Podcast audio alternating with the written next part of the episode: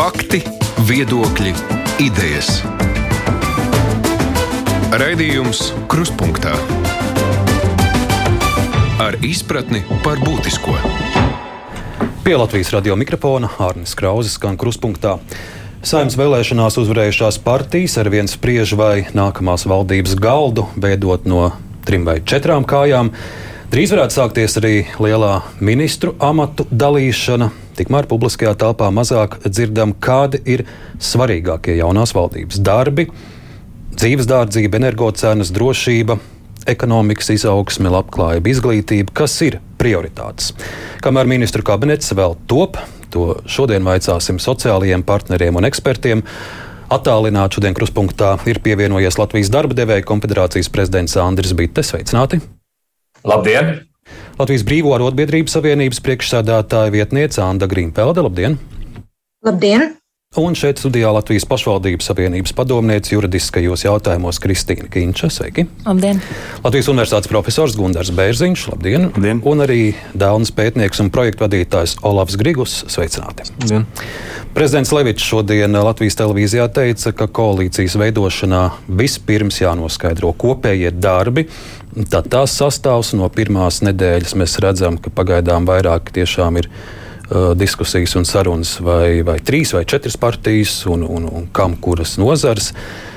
Uh, par darbiem mēs šajā stundā runāsim, bet tomēr es uh, no jums vēlos arī dzirdēt jūsu tādu pirmo iespēju. Nedēļa uh, valdības tādās neformālajās sarunās ir pagājuši, jo vēl jau nav 1. novembris, kad, kad oficiāli prezidents premjera amata izvirzīs kandidātu, bet no šīs pirmās nedēļas kāds ir jūsu iespējas par to, kā, kā top valdība, protams, ņemot vērā visus apstākļus un krīzi, kurā mēs šobrīd esam, es uh, ar profesoru Bērziņu sāktu.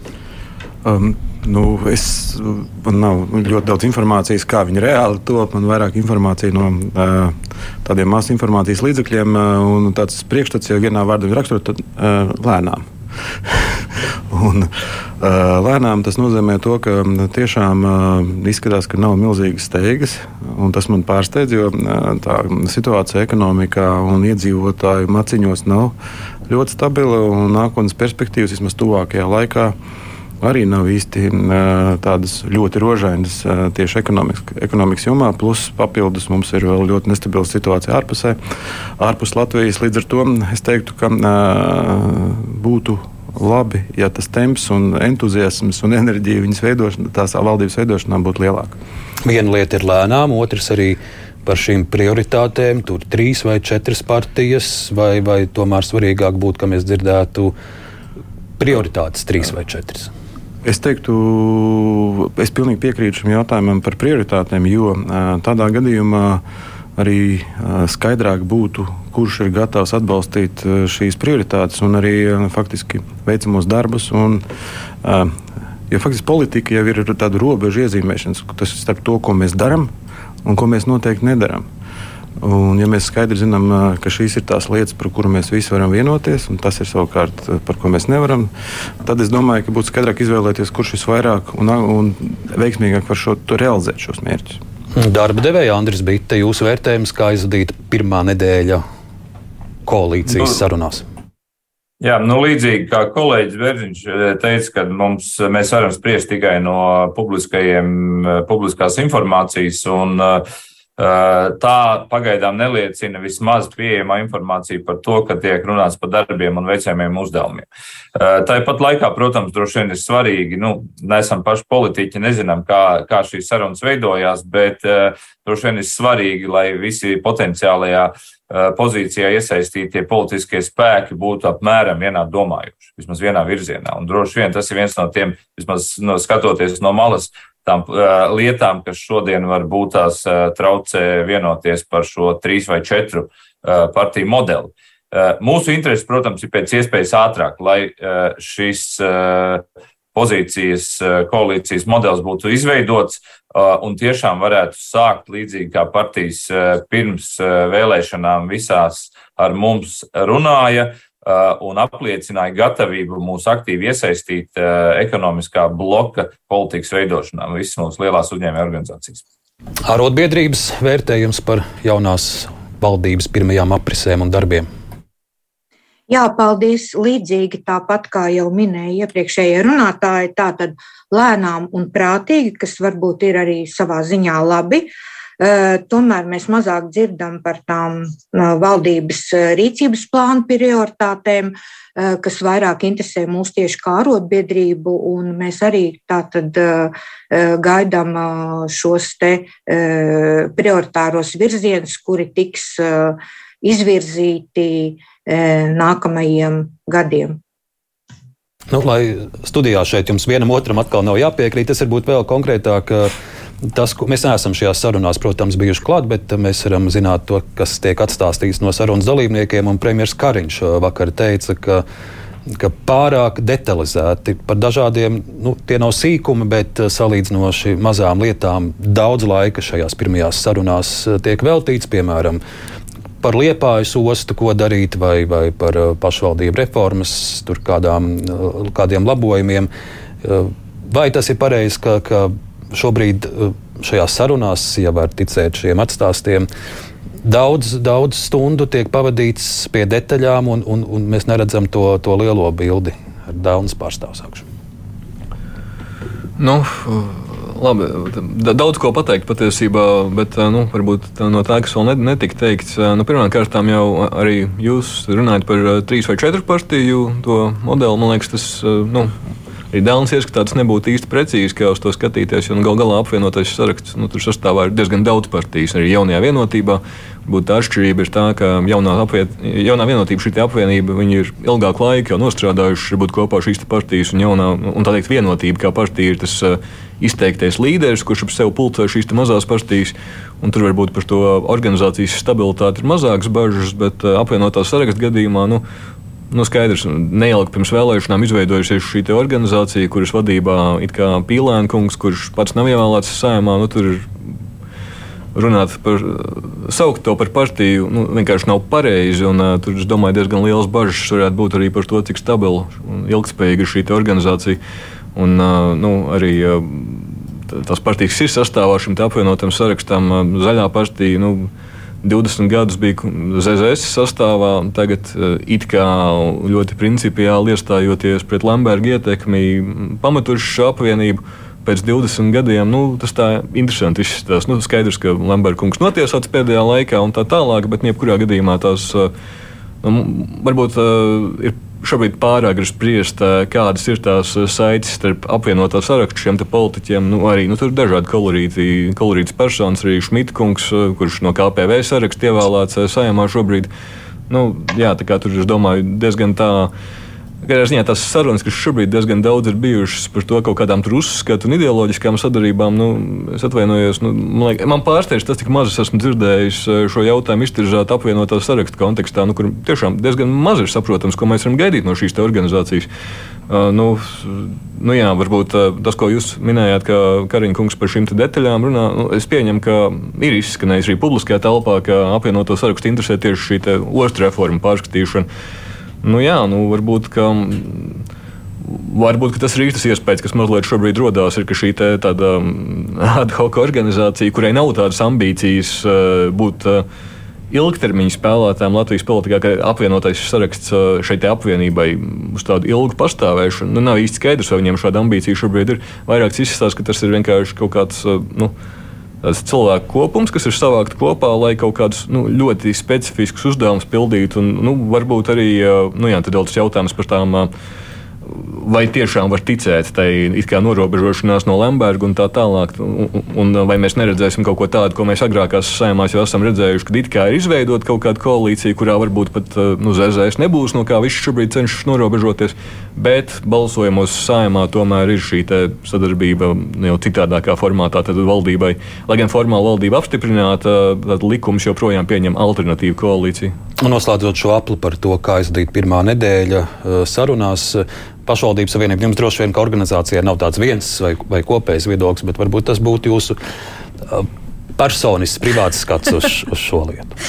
mans, uh, mans privāts skats ir. Uh, ka šī valdība mm, to plēnām Un, um, tas, ko jūs minējāt par uh, šiem procesiem, par detaļām, uh, tas, ko es esmu novērojusi savā darbā, ejot uz saimnes komisijām, apspriežot kādus likumprojektus, parasti, kad pieķerās kādām sīkām detaļām, tad ir mērķis ir divi mērķi. Viens mērķis ir tiešām noskaidrot un panākt uh, uh, kvalitatīvu rezultātu, lai tiešām saprastu visus pār pret un, un, un iespējamos riskus.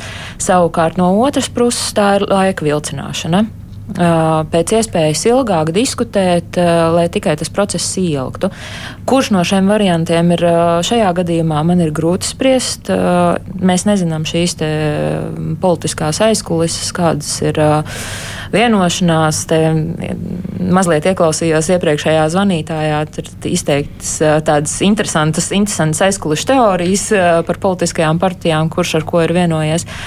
Līdz ar to, protams, tā ir, tā ir sastāvdaļa šim politiskajam procesam, bet domājams, ka gan jau Šobrīd arī diezgan daudz publiski tiek diskutēts par šo procesu, un iespējams, ka uh, tie politiķi, kas vēlēsies, ieklausīsies arī tajā, kas tiek publiski diskutēts, un iespējams arī virzīsies tajā vir, uh, nu, tā, lai atrastu kaut kādus kopīgos kompromisus un tomēr nonāktu līdz tai labākajai valdībai. Labi, nu, neiesim mēs politiķu pēdās, gari nediskutēsim trīs, četri vai, vai kādas citas kombinācijas, tad pie tiem darbiem arī ķersimies un ar pašvaldību savienību turpinot. Es, es pieļauju, ja mēs šobrīd pieslēgtu brīvo mikrofonu, kas ļaudīm ir šobrīd vissvarīgākais vairums zvanu būtu par, par apkuri, par ziemu, par energo cenām, par rēķiniem. No vienas puses ir, ir um, valdības sājums lēmumi par kompensācijām. Ir, Ir, ir ziņas no ekonomikas ministrs, ka mums ir gana sagādāta gāze un, un, un citi resursi, bet uh, no pašvaldību savienības puses skatoties, uh, kas valdībai jau pirmajā darba dienā būtu uz galda jābūt kādām lietām tieši par ziemu, domājot un, un, un Latvijas ļaudīm. Nu, manuprāt, pirmajā vietā uzreiz būtu jābūt jau uh, pārskatam par esošo atbalstu, uh, saprotot, uh, vai būs pietiekami vai nebūs. Jo mūsu prognozes ir tādas, ka uh, brīd, šobrīd uh, sagatavotais. Uh, sagatavotā atbalsta pakete varētu būt uh, nepietiekama. Līdz ar to tur vajadzētu arī nākamajai valdībai diezgan uh, spēcīgi monitorēt šo jautājumu un, un, un, un nepieciešamības gadījumā steidzami arī uh, mainīt vai, vai palielināt šos atbalstus. Kā jūs redzat statistiku, cik aktīvi ļaudis jau piesakās šiem atbalstiem? Nu, Apkurss sezona pat, nu pat tikai, tikai sākas, bet es tos datus redzēju arī par Rīgu. Tie ir, tie ir tūkstoši un tūkstoši jau. Uh, Mēs neesam pagaidām apkopojuši šo statistiku, bet uh, no kolēģu informācijas es saprotu, ka uh, katru dienu ienāk ar vien jaunu iesniegumu tieši attiecībā uz šo ap, ap, atbalstu malks iegādēji, uh, granulām uh, un tā tālāk. Uh, tas, kas attiecās uz uh, gāzi, nu, tas jau ir uh, centralizēts tas ir centralizēts uh, pasākums. Un, uh, tur visticamāk, ka droši vien jāpajautā būtu gan, gan ekonomikas ministrijai, gan uh, varbūt uh, Latvijas energo. Uh, bet uh, attiecībā uz uh, šiem te pabalstiem, kurus administrē pašvaldība, nu, mums ir daudz manuālā darba, diemžēl. Un es nevaru pateikt, cik ātri šie iesniegumi tiks izskatīti. Vai arī pārējie sarunas dalībnieki piekrīt, ka energo jautājumi tas ir gan energo efektivitāte, gan taupīšana, ar kur arī šodien būs uh, jāsaskaras, gan arī dažādi alternatīvi energoavoti. Tas, tas būtu viens no tiem valdības pirmajiem uh, skatpunktiem, Bērziņkungs. Um, es varētu teikt, tā, ka, nu, ja mēs kopumā skatītos, kā vispār pieiet šādiem jautājumiem, tad, nu, ja mēs runājam par ekonomiku, tad tomēr būtu svarīgi ņemt vērā tādus ekonomikas uh, nu, tādas pamatnosacījumus, kā strādā sistēma. Un man tāda sajūta, ka ļoti bieži pēdējā laikā par tiem vispār nerunā. Nu, piemēram, tas pats, sauksim to tā, ka cilvēki pieņem racionālus lēmumus, kas ir par labu viņiem. Mēs esam pilnīgi brīvā, brīvā tirgus apstākļos. Tas nozīmē, ka cilvēki var izvēlēties, uzņēmumi var izvēlēties, kurā valstī atrasties tikai tāpēc, ka viņi ir racionāli un ir brīvs tirgus. Un, um, trešais varētu būt zināšanas, risku un atdevas attiecība katrā valstī ir drusku savādāka. Līdz ar to, ja mēs pieņemam, ka šādi ir tādi, nu, viena no svarīgākajiem ekonomikas nosacījumiem, tad mēs automātiski nonākam pie secinājuma, ka uh, viens no svarīgiem uzdevumiem būtu saprast, kā padarīt Latvijas ekonomiku konkurētspējīgu. Kas ir konkurētspējas pamatā?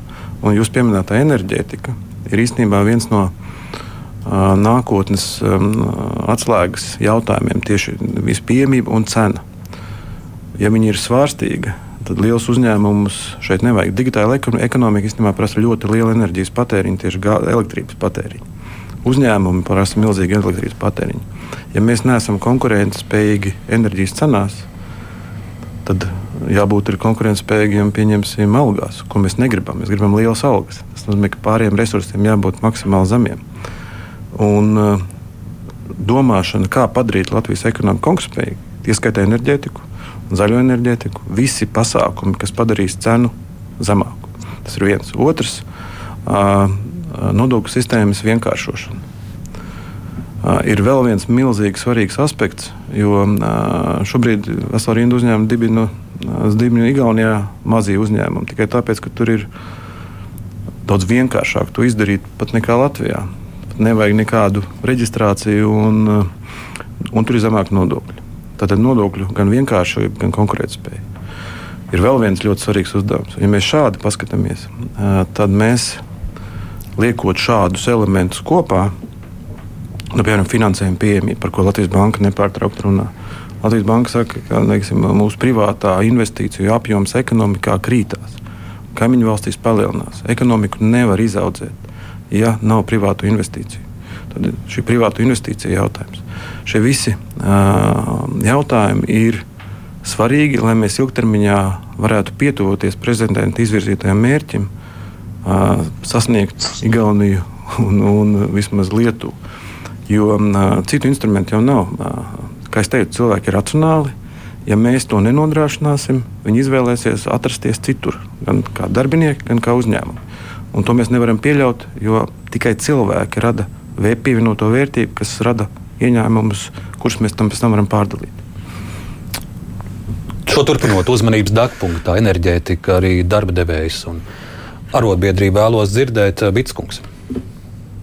Jā, nu tā tad, eh, ja mēs runājam vien par veicamajiem uzdevumiem, Uh, ir jāsadala īstermiņa uzdevums un, ilgt, un vidēja ilgtermiņa uzdevums. Ja mēs runājam par īstermiņu, tad visu, protams, pirms ekonomikas visam ir primārais drošība. Jo, ja nav drošības, arī ekonomika mums ir uh, zem jautājuma zīmes. Ja mēs runājam par īstermiņa jautājumiem ekonomikā, tad energo apgāde un energo politika ir, protams, numur viens jautājums, kurš ļoti cieši ir saistīts arī ar to, kā mēs, kā ekonomika, gan kā iedzīvotāji, gan kā uzņēmumi pārdzīvosim to tojošos ziemu un šo periodu, kad ir necerēti liels energoresursu izmaksu pieaugums un kādas šīs palīdzības programmas mēs varam gan izdalīt priekš uzņēmumiem un iedzīvotājiem, gan arī vai mēs viņas varam atļauties un, un cik lielas. Ar pamatmērķi izdzīvot līdz nākošajam periodam un iegūt laiku sagatavoties, nomainīt energonesējus, pielāgoties jaunajiem apstākļiem un tā tālāk. Otra lieta ir arī kā ekonomika. Mēs šobrīd ieejam periodā, kad notiks ekonomikas sabramzēšanās ne tikai pie mums šeit, bet, bet visā, vismaz rietumu pasaulē. Uh, un, attiecīgi, tas radīs papildus negatīvo slogu, jo eksportējošiem uzņēmumiem samazināsies šis darbības, darbības aktivitāte, eksporta apjomi. Vienā nozarē vairāk, vienā mazāk, bet šī būs realitāte. Uh, Uh, kur jāsaka, ka Covid periodā tomēr nebija šī situācija. Bija dažas nozares, kas ļoti cieta, kas bija iesaistītas ciet, bet kopumā, teiksim, aktivitāte ekonomikā bija. Šobrīd ir pilnīgi cita dzīve. Un tātad īstermiņā ir jābūt spējai uh, valdībai kopā ar uh, ekonomikas pārstāvjiem, respektīvi lielām uzņēmēju organizācijām un arotbiedrībām, kas pārstāv mūsu kolēģis darbinieks, spēt ļoti ātri pielāgoties tiem izaicinājumiem, kādi nāk uh, dienas gaismā. Jo uh, tās pašas energo cenas mēs jutām, ka būs palielinājums. Mēs visi savā biznesā rēķinājām, ka būs divkārtīgs, trīskārtīgs sadārdzinājums. Bet 10 un 11 kārtīgs sadārdzinājums gāzē, pieņemsim, nebija plānots. Un līdz ar to šeit bija nepieciešama iesaisti, iesaisti no valsts puses palīdzības programmās, ko arī mēs esam šobrīd kopā ar ekonomikas ministriju līdz vēlēšanām izstrādājuši. Ir palaists process tālāk, teiksim, likums pieņemts, palaists process ministru kabineta noteikumu izstrādēji. Gaidām, kad šis tālāk tiks realizēts. Un pamatjautājums šī īstermiņa lietā ir, cik ātri un efektīvi mēs spēsim rēģēt uz izaicinājumiem, kādi rodas. Ja mēs runājam par vidējo termiņu un ilgtermiņu, Tad jau, kā Bērziņkungs teica, mums ir svarīgi lielas ambīcijas ekonomikā, jo līdz šim mēs esam dzīvojuši periodos, kad mēs cenšamies tomēr pārdalīt to naudu, kas ir mūsu rīcībā, nevis nopelnīt kā ekonomika vairāk, lai būtu vairāk ko pārdalīt. Un šī mūžīgā pārdalīšanas ekonomika uh, mūs dzen ar vien dziļākā atpalicībā no kaimiņiem, uh, un šo ambīciju trūkums ir vitāli uh, redzams. Bitskungs, es, Bitskungs, es vēl gribētu vienu, vienu tādu piemēru no dzīves, eh, jo jūs esat nevien eh, darbdevēja komputerācijas prezidents, bet arī eh, zivju pārstrādes uzņēmuma īpašnieks un vadītājs, un uzņēmums veiksmīgi darbojas, bet energocenas un, un viss tas, ko jūs minējāt, arī eksporta samazinājums, kā tas ietekmēs jūsu uzņēmumu, un, un tūlīt es došu vārdu arī arotbiedrībai, kā tas ietekmēs jūsu darbiniekus, vai jūs paredzat, ka ka nāksies uh, samazināt algas vai nāksies pat varbūt tās uh, kādas atlaišanas veikt. Uh, piemēram, no dzīves. Jā. Tātad šeit ir mūsu pamatu uzdevums, ko mēs esam kā uzņēmums sev izveid, uzdevis, ir izdzīvot un saglabāt ekonomisko dzīvotspēju vismaz esošajā līmenī nākošajā gadā. Tas nav viegls uzdevums, jo pieņemsim viens piemērs - energoresursu sadārdzinājums. Ja mēs maisaimniecībās runājam par varbūt 100% pieaugumu vai tam līdzīgi, mums pieaugums starp jūliju un augustu šī gadā bija 17 reizes energoresursu cenu pieaugums. Kopumā, ja mums bija 30 tūkstoši eiro gāzes rēķins jūlijā, tad tīri gāzes rēķins uh, augustā bija 320 tūkstoši. Tad tie ir milzīgi izaicinājumi, kuri mums ir jārisina. Un mūsu uzdevums kā uzņēmēji ir viņus risināt. Jautājums, kas attiecās uh, par darbiniekiem, mūsu kolēģiem, tātad uh, mēs skaidri apzināmies arī to situāciju, ka mums ir uzdevums nodrošināt darba vietas, un tā, līdz ar to mēs, kā menedžments, kā pārdošana, kā mārketings, strādās daudz vairāk, lai atrastu papildus tirgus, atņemt, būsim realistiski, atņemt kādam uh, ārvalstu uzņēmumam vēl kādu papildu apjomu, lai mēs spētu pie krītoša tirgus tomēr saglabāt esošo ražošanas apjomu un nodarbinātību. Atalgojuma līmenis, protams, ir uh, svarīgs jautājums, un šeit ir uzņēmumi lielākoties Latvijā ir spīlēs, jo uh, nenovēršamās izmaksas energocenās krītošs tirgus neļaus uh, iet līdzi ar atalgojumu, pacelt viņu, pieņemsim, inflācijas līmenī. Mūsu pamatu uzdevums būtu nepieļaut samazinājumu, un to mēs zinām, ka mēs izdarīsim. Un gada sākumā mēs jau veicām arī kārtējo, vēl pirms lielās krīzes eh, algu paaugstinājumu. Tā kā mēs cenšamies atrast šo, eh, šo eh, stabilu, šo, šo kompromisu starp visām pusēm, izmaksām, tirgu un mūsu kolēģiem, lai mēs spētu nodzīvot līdz periodam un attīstīties līdz atkal mierīgākiem laikiem, kad atkal tirgi sāk augt un ekonomika var attīstīties. Un tas ir visas ekonomikas uzdevums, jo tomēr mūsu Latvijas uh, ekonomikas nākotne un, un pamatreliģija ir jābūt eksportam. Līdz ar to mēs esam tiešā formā atkarīgi no tā, kāda situācija ir ārējos tirgos un pasaulē. Beidz, kungs, tik tā paldies jums un došu vārdu arī Andai Grīmfeldei, Arotbiedrības Savienības priekšstādātāja vietniecei Lūdzu. Jā, paldies. Es no arotbiedrību perspektīvas savukārt uh, varu uzsvērt, ka tomēr uh, mums uh, ir galvenais panākt uh, labklājību darba vietā, tātad nodarbināto šo labklājību un nepasliktināt uh, nodarbināto profesionālo dzīves kvalitāti. Tieši tāpēc es uzskatu, ka šai jaunajai valdībai būs uh, liels izaicinājums sabalansēt darba devēju un darba ņēmēju intereses. Jo, teiksim, es varbūt kā arotbiedrības pārstāve raugos vairāk no šīs te darba ņēmēja perspektīvas un gribu teikt, ka pirmām kārtām šobrīd būtu jāizvērtē šis cenu pieaugums, vai tas ir pamatots, vai tas ir adekvāts. Un, manuprāt, ir nepieciešami instrumenti enerģētikas krīzes ietekmē šo radīto patēriņa cenu tāda neadekvāta pieauguma kontrolē. Uh, un līdz ar to ir, nepieciešams šis atbalsts iedzīvotāju pirktspējas saglabāšanai. Un tāpēc, es, tāpēc arī es kā arotbiedrība varu uzsvērt, ka mums prioritāte ir valstī noteiktās minimālās darba algas palielināšana un proti līdz 640 eiro, jo šobrīd ir 500 eiro, un e, šobrīd e, arī ir e, valdība nākusi klajā ar, ar, ar, ar, ar, ar, ar, likumām jāsaka, grozījumiem, priekšlikumiem par 620 eiro, kas mūsu ieskatā ir, diemžēl, tomēr par maz. Un līdz ar to mēs arī gribētu iedzīvotāju ienākumu nodokļu neapliekamo minimumu paaugstināt no 500 līdz 600 eiro, un arī robeža, ienā, robežu ienākumiem, virs kuriem nepiemēro šo neapliekamo minimumu, vismaz līdz 2100 eiro mēnesī. Šobrīd ir 1800.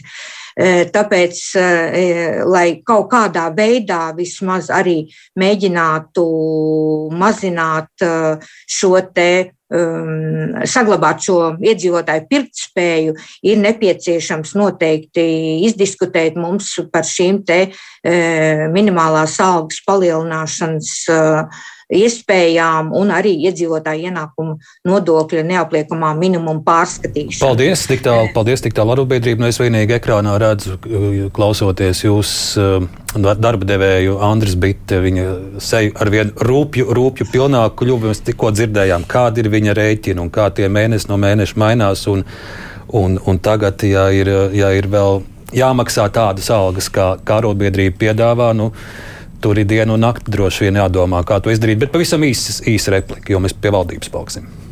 Jā, man, man ir, es piekrītu arī arotbiedrību pārstāvjiem. Mums tajā ziņā pozīcija ir, ir kopīga kopīgi par to, ka mēs esam gatavi izskatīt minimālās algas celšanas nepieciešamību un pamatotību, ja tas iet kopā ar darba devēja un vispār algu nodokļa sloga korekcijām uz leju līdz konkurētspējīgam līmenim Baltijas valstu vidū. Jo nav noslēpums, mēs maksājam dārgākos algu nodokļus mūsu kaimiņu valstu vidū. Un tas arī pazemina mūsu konkurētspēju. Mūsu pamatu uzdevums būtu tuvākajā laikā nodrošināt, lai pēc iespējas vairāk naudas paliek uz mūsu kolēģu darba ņēmēju rokām pēc nodokļu nomaksas. Paldies, un turpināšu ar Drīkst vienu repliku vēl īsu atbildēju šo te. Ja. Tā tad, ja mēs skatāmies, jā, pa nodokļiem, pa nodokļu slogu, tas ir neapšaubām augsts, bet darbinieks, kurš saņem minimālo algu, darba devējam izmaksā salīdzinoši ar Lietuvu par mīnus 124 eiro mazāk, ja, un salīdzinot ar, ar, ar, ar Igauniju par 257 eiro mazāk. Un tas modelis, ko Elbas rekomendēja, e, tad būtu tā summa, attiecīgi tā starpības būtu 64 eiro ar Lietuvu un 179 ar Igauniju. Tā kā es domāju, ka e, mūsu prasības ir pamatotas. Paldies, bet e, tikmēr man liekas, e-pastā ļoti trāpīgi jautājumi ir atsūtījusi Agnese. Viņa raksta, ka Atreferējumos par valdības veidošanas sarunām es vispār neesmu dzirdējusi vārdu izglītība. Prevalē vārdi ostas, terminālis, tātad kādas intereses, bet nav vārds izglītība. Un patiesi, ja paklausās politiķu komentārus pēc šīm sēdēm, uh, izglītība ir kaut kur diezgan tālu tajās sarunās, bet tas taču ir viens no pamatiem, viens no galvenajiem pamatiem. Ah, nu. Es varbūt pirms atbildēt šo jautājumu, es mazliet gribēju reaģēt uz to, kas iepriekš tika pateikts. Nu, mēs arī droši vien pievienotos tam, ka drošība arī būtu izceļams. Tik jau pateikts, un droši vien ka, nu, viens tāds aspekts, kas nebija, netika pieminēts, ir arī tāda turpmāka apņemšanās atbalstīt Ukrainu, lai tā pēc iespējas ātrāk uzvarētu karā pret Krieviju, kas nu, varētu, nu, protams, ne, ne tikai uzlabot Latvijas drošības situāciju, bet arī uh, palīdzēt risināt potenciāli netiešā veidā šo situāciju ap uh, energoresursu sadardzinājumu. Jo, jo ātrāk šis karš beigsies ar Ukraiņas uzvaru, jo varbūt mēs arī uz to varētu ātrāk cerēt. Uh, bet, nu, jā, atbildot uz to jautājumu par izglītību. Nu, Nav varbūt tā, ka tas vispār nebūtu izskanējis. Varbūt mazāk no šo koalīcijas veidotāju puses, bet es domāju, ka valsts prezidents gan noteikti ir pievērsies šim jautājumam arī, arī iepriekš, runājot tieši par šo Latvijas struktūrālo atpalicību. Un, kā reiz, manuprāt, arī nesen viņš runāja par to, ka ir nepieciešams šīs tādas nozīmīgas reformas veikt, lai panāktu to, ka Latvija varētu panākt tās citas valsts un tieši izglītību arī prezidents teikt, uzsver kā vienu šo nozīmīgo aspektu. Bet, Nu, jāsaka, ka nu, jā, ar, ar to mums Latvijā ir bijušas problēmas līdz šim, nu, kā arī Dāna ir norādījusi pagājušā gada budžeta veidošanas sarunu laikā. Nu, tā teikt, nu, mums ir vēsturiski bijusi tāda situācija, kad ir pat bijuši dažādi likumi, kuros noteikti, ka teikt, valdībai veidojot budžeta projektu, ir jānodrošina finansējuma pieaugums ar izglītību saistītām teikt, nozarēm. Un tas netiek darīts. Un, principā, valdība vienkārši nepilda likumu. Un par to mēs, nu jā, tā, tā, tā ir tēma, par ko mēs patiesībā īpaši daudz pēdējā laikā neesam dzirdējuši. Protams, mēs no Dānas puses cenšamies to uzsvērt. Bet no valsts prezidents um, ir mazliet piemirsis šo tēmu. 19. gadā, kad bija šie lielie mediķu protesti arī par līdzīgu tēmu, valdība nepildā likumā noteikto. Nu, tad prezidents tā, tā teikt, uzsver, ka nu, nu, tas nav īsti pieņemami. Teikt, tas nodara kaitējumu likuma varē Latvijā, ka valdība var tik rūpīgi ignorēt kaut kādas šādas normas. Bet nu, jā, nu, kaut kā tas tajā politiskajā dienas kārtībā šis jautājums ir mazliet piemirsies izglītība viena arī no pašvaldību galvenajām rūpēm. Jā, nu, skumji, ka mēs to nedzirdam no topošās valdības un, un, un jaunievēlētās saimnes, jo tik tiešām tas ir bijis sāpju, sāpju punkts, it īpaši pēdējā gada laikā arī pašvaldībām. Un, protams, gribētos jau dzirdēt arī, kā, kādus plānus, kādi ir mērķi attiecībā tieši uz izglītības finansēšanas jautājumiem, attiecībā uz tiem pašiem pedagoģu atalgojumu, attiecībā uz visām tām reformām, kuras tiek īstenotas vēl, vēl šobrīd. Es teiktu tā, ka mums ir esošā valdība nākamajai atstājusi dažus mājas darbus. Bet uh, mūs vairāk bažīgus dara tie pārsteigumi, kas varētu nākt no jaunās valdības. Ir jau kādas jums eh, nojautas, kas par pārsteigumiem varētu būt? Nu, uh, īsti nav. Uh, varbūt vairāk novēlējums jaunai valdībai sarunāties ar, ar, ar pašvaldībām, tā kā lai, lai, lai neatkārtojās. Uh, pēdējie notikumi, kad principā tiek dalīta valsts sadala pašvaldības nauda. Nu, kāds bija ar, ar, ar izglī, pirmskolas izglītības pedagoģa atalgojumu. Principā šeit būtu, manuprāt, lai nonāktu līdz līdz, līdz izglītības jomas tādai sakārtošanai tiešām būtu jābūt tiem, tiem dialogiem. Gan starp pašvaldību, gan un, un valsti, gan, gan pedagogiem. Bet neaizmirsīsim arī vecākus, jo vecāki arī ir jāiesaist šajā procesā, jo viņi arī, mēs esam par viņiem aizmirsuši izglītības procesā. Mēs runājam par valsti, par pašvaldību, par uh, pedagogiem, skolēns kaut kur pa vidu, bet vecāku atbildības jautājumi šeit īsti, īsti, īsti netiek uh, skatīti arī. Pāris dienas pirms saimnes vēlēšanām šeit Bitskungs darbdevēji bija tie, kas pie sevis pulcēja. Tur bija arotbiedrība un zinātņu akadēmija un, un, un man liekas, arī pašvaldības savienība vesela virkne. Uh, valdības partneri. Tas viens no galvenajiem vēstījumiem no, no, no jūsu puses bija, ka raugoties uz jauno valdību, jauno sājumu, jūs vēlaties iesaistošāku un profesionālāku valsts menedžmentu. Nu, tas, tas jau būtu jāliek tagad šajās valdības sarunās, tad jau kā, kā tāds liels pamatakmens. Bez šaubām. Pozitīvā ziņa ir, ka gan uh, piecinieka sadaļā, tātad uh, Latvijas darba devēja konfederācijas, Latvijas tirniecības rūpniecības kamera, arotbiedrība, zinātņu akadēmija un pašvaldības savienība. Uh, visas partijas, izņemot laikam stabilitāti, ar ko mēs zinām apstākļu dēļ, apsvērumu dēļ, nekontaktējāmies. Visas partijas, kas ir šobrīd saimā, parakstīja vienošanos ar to, ka daudz aktīvāk iesaistīs mūsu kā sadarbības sociālos partnerus gan stratēģiju izstrādē, gan lēmumu pieņemšanā vitāli svarīgās nozarēs, kas skar mūsu ikdienu, ekonomiku, sadzīvi un tā tālāk. Līdz ar to Uh, ja mēs ticam labajiem cilvēkos, tad tikko valdība tiks veidot vienalga kādā uh, sastāvā, uh, mums kā pa sviestu aiziet šī sadarbība daudz labākā līmenī nekā bija līdz šim. Patiesības mirklis tātad tuvojas. Papildus tam ekonomikā mēs abas lielās uzņēmēju organizācijas LDDK un LTRK izstrādājām Uh, rekomendāciju uh, sarakstu ar izmērāmiem, ar konkrētiem uzdevumiem un ar izmērāmiem uh, mērķiem, kuri ir jāsasniedz Uh, un arī uh, vis, ar visām partijām nokomunicējām, un faktiski visas apstiprināja, ka šie ir tie mērķi un uzdevumi, uh, pie kuriem būtu jāstrādā. Un tas, tas skar gan iesaisti, gan izglītību, kā mēs tikko runājām, gan enerģētiku, gan nodokļu politiku, gan cilvēku resursu politiku, gan ēnu ekonomikas apkarošanu un tā tālāk.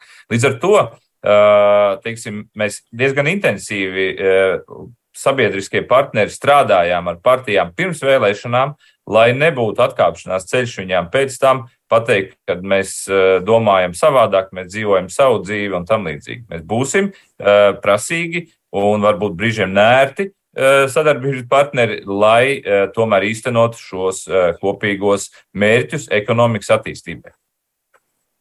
Lai jaunā valdība savas prioritātes īstenot, protams, svarīgs ir budžets, valsts budžets. Šodien tas ir likts uh, valdības namā uz ministru galda. Protams, šis ir tāds tehnisks, pagaidām finanšu ministrijas sagatavots un nāks jaunā valdība un veiks uh, visticamāk savas korekcijas. Bet ko mēs uh, šobrīd redzam no nākamā gada budžeta projekta? Būtiskākās izmaiņas veido papildu finansējums aizsardzībā līdz likumā noteiktajiem procentiem no IKP. Tālāk ir piemaksas pie vecuma un invaliditātes pensijām.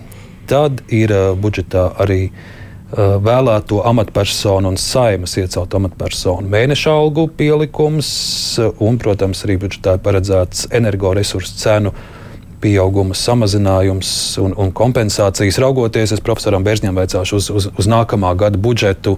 Um, Cik daudz jūs detaļās to jau redzējis? Vai, vai... Es, diemžēl, neesmu detaļās redzējis, bet um, kopumā man jāsaka, ka viņš, es, es pieņemu, ka viņš varētu būt ļoti sarežģīts.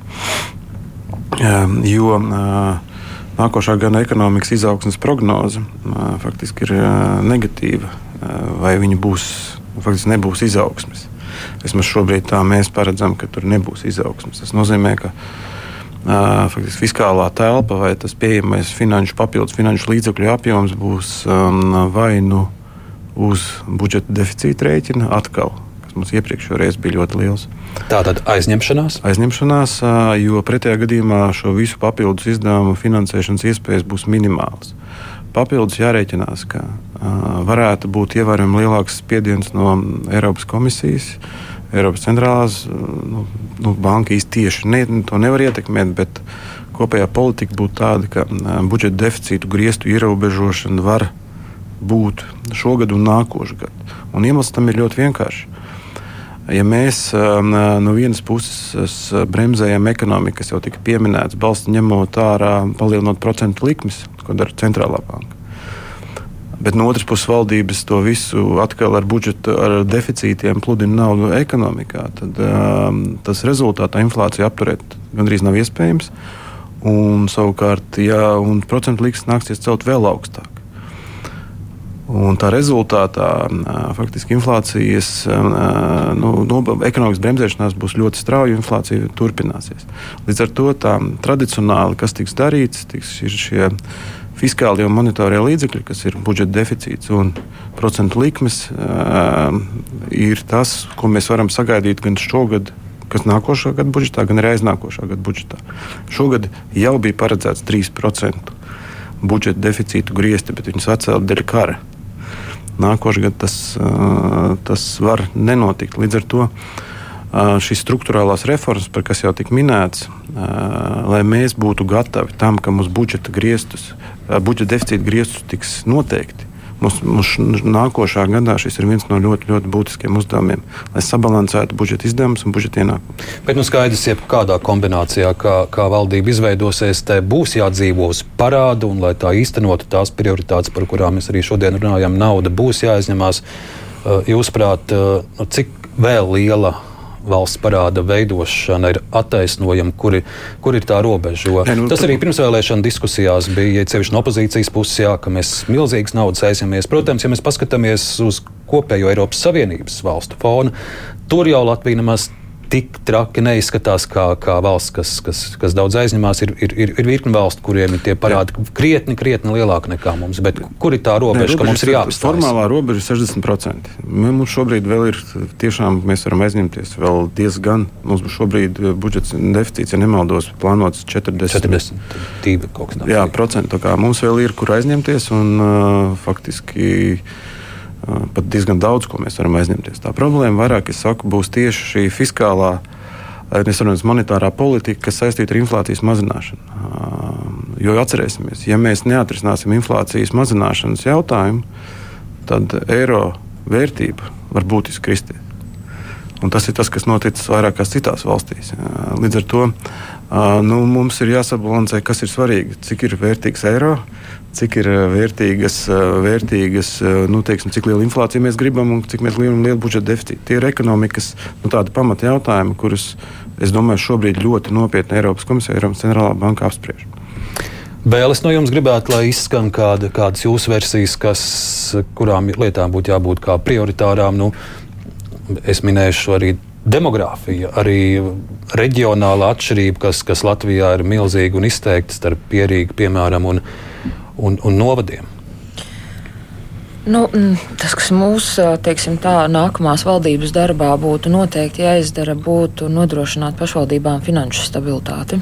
Mm, ļoti daudz uzdevumu nāks pašvaldībām. Jaunais pašvaldību likums izskatās, ka arī drīz tiks vēlreiz saimā pieņemts un, un, un prezidents to izsludinās.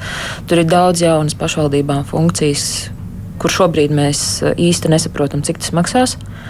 Uh, Plus tā pati izglītības joma, par ko mēs runājam, daudz, daudzi uzdevumi, kas nāk tieši no, no, no valdības un šī te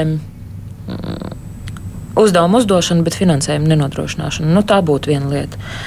Nākamais, visticamāk, būtu jārunā par kaut kādiem pasākumu plānu vai, vai rīcību kopumu tieši attiecībā uz pierobežas novadiem, gan uz apdzīvotības jautājumu risināšanu, gan tāpat ir demogrāfija, gan drošības aspektā. Nu, ir ja mums tur būs tukšs un neviens tur nedzīvos, iespējams, ienaidniekam būs vieglāk ienākt ne, nemanītam. Bet uh, nu, tās, tā, tās tādas lielās galvenās uh, aktualitātes. Nu, un trešā, protams, ir. Uh, Prioritāte ir uh, šī sadarbība.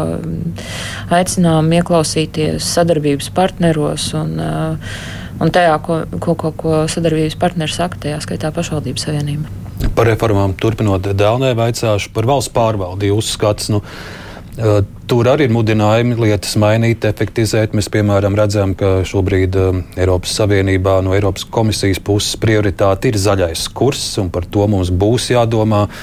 Arī, protams, saistībā ar šo energo krīzi, bet, bet Latvijā ar šo zaļā kursa lietām nodarbojas ļoti sadrumstaloti ierēdniecība un ministrijas. Tur ir gan ekonomikas ministrija, gan zemkopības, gan vides aizsardzības un reģionālās attīstības. Kas šeit būtu darāms?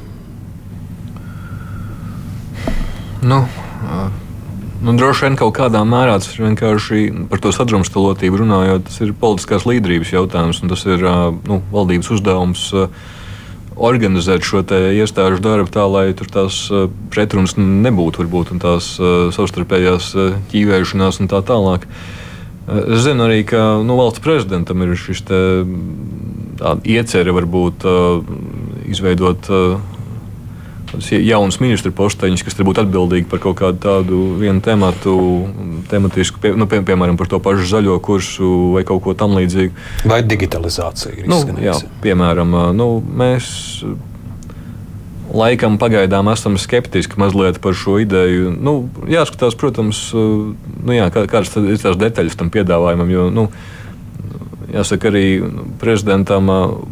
Viņš labi identificē problēmas, nereti, bet dažreiz tas piedāvājums ir tāds, nu, varbūt nav tas labākais arī, kā, nu, piemēram, partiju finansējuma jomā, kad arī salīdzinoši nesen prezidentam bija tas priekšlikums. Uh, kā samazināt uh, valsts finansējumu partijām, kas it kā izjūg, un uh, tur arī Dalnai bija tā teikt. Uh, mēs nebijām sajūsmā par to piedāvāto risinājumu. Kā, nu, tur noteikti jāsastāsta uz tām detaļām, bet nu, problēma nu, principā līdz šim. Tas, bet šodien tā, nu, mazāk vērtēsim prezidentu un, un, un viņa ierosinājumus. Bet, bet, bet, uh, bet nu, varbūt ne gluži par tie, tieši, varbūt mazliet novirzoties no tā jautājuma, ko jūs minējāt, bet arī nu, tā, par tādiem darbiem, ko mēs vispār. Uh, teikt, novēlētu nākamajai sājumai un valdībai risināt. Mēs jau 13. sējumā bijām iesnieguši rekomendācijas tātad, nu, labas pārvaldības veicināšanai, korupcijas mazināšanai, dažādām normatīvu aktu grozījumiem, kas bija nepieciešami. Tas progress nebija bijis slikts 13. sējumā. Principā aptuveni puse no šīm aptuveni 40 rekomendācijas bija. Tātad pie puses bija daļai izpildīts mūsu vērtējumā. Ceturdaļa bija izpildītas, un ceturdaļa nu, nebija uzsākta risināt. Droši vien, ka tās, kas nebija izpildītas līdz galam, mēs nodosim arī nākamajai saimai. Noteikti arī būs jaunas rekomendācijas. Jau pieminētais pašvaldību likums, piemēram, nu, tur varbūt tāda mazliet nu, mūsu ieskatā kļūda tika pieļauta no esošās sēmas puses. Tātad, iestrādājot šo normu, kas ļauj savienot pašvaldību deputātiem amatus ar teikt, izpildvaras amatiem, kas nu, mūsu ieskatā neiet īsti kopā ar to likuma sākotnējo ieceri. Un šis priekšlikums tika iestrādāts nu, koalīcijas partijām, vienotībai, Nacionālajai apvienībai, balsojot kopā ar varbūt saskaņu ZZS, nu, kas mums parāda, varbūt arī mazliet atgriežoties pie tā sākotnējā, par ko mēs runājām, par to koalīcijas veidošanu, nu, kad nav jau tā, ka nu, valdība tiks izveidota un tad koalīcijas partijas vairs nekad nesaslēgsies ar to opozīciju. Nu, mēs redzam, ka šajā saimā mēs arī redzam daudzus tādus gadījumus, kad uh, atsevišķi koalīcijas partneri paliek mazākumā, citiem balsojot kopā ar opozīciju par tādiem šaubīgiem um, iniciatīvām. Vēl Berzīnkungs, nu es nezinu, vai tā būtu jābūt, tā, protams, ir jābūt prioritātei, bet uh, stāsts par ēnu ekonomiku bija laiks, kad ļoti aktīvi dažādas kampaņas bija un, un, un cīņa ar to pēdējā laikā. Tas progress ir salīdzinoši neliels, un to arī uzrāda dažādie pētījumi jaunajai valdībai cīņā ar ēnu ekonomiku, kas būtu jādara? Es teiktu, ka teiksim, ēnu ekonomikas uh, samazināšana ir viens no faktiski svarīgākiem uzdevumiem, jo citu veidu, kā palielināt ienākumus īstermiņā, jau gandrīz nebūs iespējams. Un, uh, tas ir tas Igaunijas piemērs. No Igaunijai vidēji, piemēram, PVN ir 20%, nevis 21%, bet viņiem ienākumi ir 34% no IKP. Mums ir knapi 30%, un viņi tikai tie 4% ir vairāki miljardi. Man liekas, ka 2, vairāk kā 2 miljardi, kas būtu papildus budžetā tikai balstoties uz šo papildus ieņēmumu no procentos no IKP. Igaunija to izdara ar mazākiem nodokļiem. Mazākiem, zemākiem nodokļiem. Faktiski panākt lielāku veiksmu atslēgu. Veiksmes atslēga ir ļoti vienkārša. Tas, ko es jau minēju, ļoti vienkārša nodokļu sistēma. Vienkārši administrējama un iedzīvotājiem saprotama un draudzīga ja izdara tikai šīs divas lietas, padara to vienkārši. Nu, piemēram, tas pats, par ko mēs jau runājam, cik ilgi vienotais norēķina konts, kad uzņēmums ar vienu kontu viņam nav nepieciešams papildus izmaksas par grāmatvedību.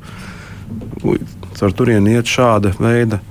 Norē, teiksim, šādā veidā mēs panākam to, ka nodokļi tiek maksāti, uzņem, var atļauties samaksāt šos nodokļus.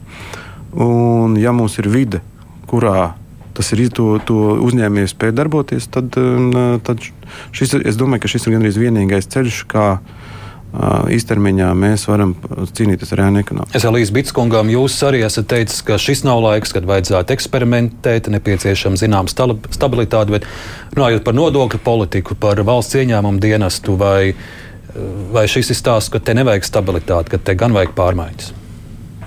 Pārmaiņas ir nepieciešams. Un nepieciešams gan nodokļu politikā, kā jau kolēģis Bērziņš teica par to, ka mazajam biznesam mēs arī stāvam uz to, ka mazajam biznesam ir vienkāršai un paceļamai nodokļu sistēmai. un lielajam biznesam ir vajadzīga konkurētspējīgai nodokļu biznesa sistēmai un līmeņiem. Un, attiecīgi, šeit pirmkārt ir nepieciešama politiska vēlme šādas, šādu līmeni sasniegt un šādus pasākumus ieviest. Vids tajā gadījumā ir tikai un vienīgi instruments, kas šo politiku ievieš. Un arī tur mums ir pretenzijas no tā viedokļa, ka tomēr uh, mēs uzskatām, ka uh, vairāk jāveido politika, uh, konsultējot, runājot, stāstot, kā pielāgoties esošajai diezgan sarežģītai likumdošanai, nevis sodot. Un, un pelēkās ekonomikas novēršana pamatā ir jāorientē uz uh, cēloņu uh, noskaidrošanu un to novēršanu, nevis uh, seka, seku iespaidošanu un, un policijasku apkarošanu. Jo ekonomiku apkarojot ar politi, ēnu ekonomiku apkarojot ar policiskajām metodēm, var viņu pilnībā pazaudēt un nevis atgriezt Baltijā ekonomikā. Droši vien ne jau tas ir ļoti jūtīgs jautājums. Viens tās ir politiskās metodas, bet otrs arī pēdējā laika skandāli, kur mēs redzējām, ka kā izrīkojas arī pret uzņēmējiem ar dažādām šantāžas lietām vēl pašvaldības savienība. Bez šaubām. Jā, es jā. vienīgais varbūt papildinot kungus, ka papildus šeit nodokļu reformai noteikti būtu arī jāpārskata normatīvi akti un jāmazina normatīvisms, jāmazina birokrātija un jāmazina administratīvais sloks. Tās būtu divas lietas, kas roku rokā ejot, gan arī mazajiem uzņēmējiem diezgan daudz atvieglotu viņiem būtu mazāk iespējams jālaužās cauri likuma džungļiem un, un, un, un saprast, uh, kā tad īsti rīkoties, lai būtu pareizi un lai nebūtu vēlāk problēmas ar valsts ieņēmumu dienestu. Tas ir tā saucamās transakcijas izmaksas ar valsti. Cik mums izmaksā sadarbība ar valsti? Un pasaulē, veselā līdz citā valstīs tas tiek monitorēts. Un tas mērķis ir samazināt izmaksas sadarbībā ar valsti. Un vēl mums ir pāris minūtes, lai arī uh, mēs šodien runājam par darbiem, prioritātēm, nerunājam par uh, ministriem un amatiem. Bet, nu, Nevar jau nerunāt arī par amatiem un ministriem, jo tie jau būs tie cilvēki, tie politiķi, kuriem tas viss būs jāīsteno. Pavisam īsti es no jūsu puses gribu dzirdēt, vai tas būs Krišāns Kariņš vai kāds cits, kurš savā komandā aicinās ministrus. Ne vārdus uzvārdus saucot, bet jūs prāt, pēc kādiem principiem šajā sarežģītajā laikā Latvijā un pasaulē šie atbildīgie cilvēki būtu jāizvēlās, vai tiem būtu jābūt tikai tiem, kur ir izgājuši cauri saimnes vēlēšanas ietam, vai arī jāpieaicina profesionāļi no malas, vai tur ir jābūt cilvēkiem, kuri jau sēž ministru krēslos 10 un, un 15 gadus. Pavisam īsi pēc kādiem principiem šai sarežģītajā laikā ir jāizvēlās valdības ministra Bērziņkungs. Nu, pēc diviem teiksim, pieredze, pārvaldības pieredze un kompetence, kompetence konkrētajā nozarē. Zināšanas par nozari tas nav mazsvarīgi. Es gribēju teikt, ka uh, izpratne uh, par, par uh, vadāmo jautājumu, bet nu, tā droši vien būtu tā pati kompetence un arī uh, pieredze un profesionalitāte. Nu, droši vien uh, tā ļoti īsi varētu teikt, ka tāda neiecietība pret korupciju, jo nu, tas uh, jaunajā sējumā tur tie riski būs uh, pietiekoši lieli. Es, es varētu runāt garāk, bet par cik mēs īsi tad tas Un dēls skats vai, vai tikai saimas, no saimnes deputātu vidus ņemt ministrs vai, vai arī no malas? Uh, nu, es domāju, ka tie droši vien nebūtu īsti tā, no tādas uh, uzticēšanās veicināšanas uh, cilvēkiem. Tādas, uh, nu, droši vien ne, ne, neizskatās īpaši leģitīmi par ministriem iecelt cilvēkus, kuri ir piedalījušies vēlēšanās un izsvītroti ļoti daudz. Uh, teikt, uh, tas noteikti nebūtu labi.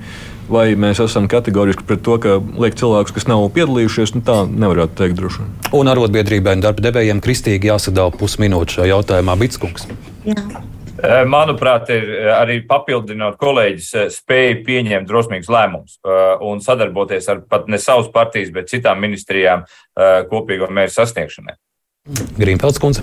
Jā, Es vēl gribēju pie, piebilst tikai to, ka te jautājums jā, par uzticēšanos izsakot uh, saimā uh, par, jā, par, par ievēlētajiem, jā, bet te ir tikpat liels jautājums par to, tie, kas nav ļāvušies šim te vēlēšanu kampaņai un nav izgājuši šo te procesu, vai tiem būtu tomēr būtu jābūt ministriem.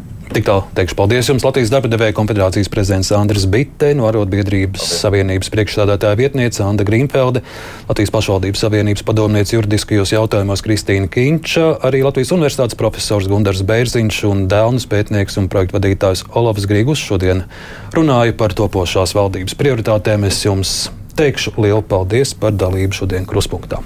Pie Latvijas radio mikrofona bija Arnēs Krause, producente Evija Unāma. Turpiniet klausīties Latvijas radio.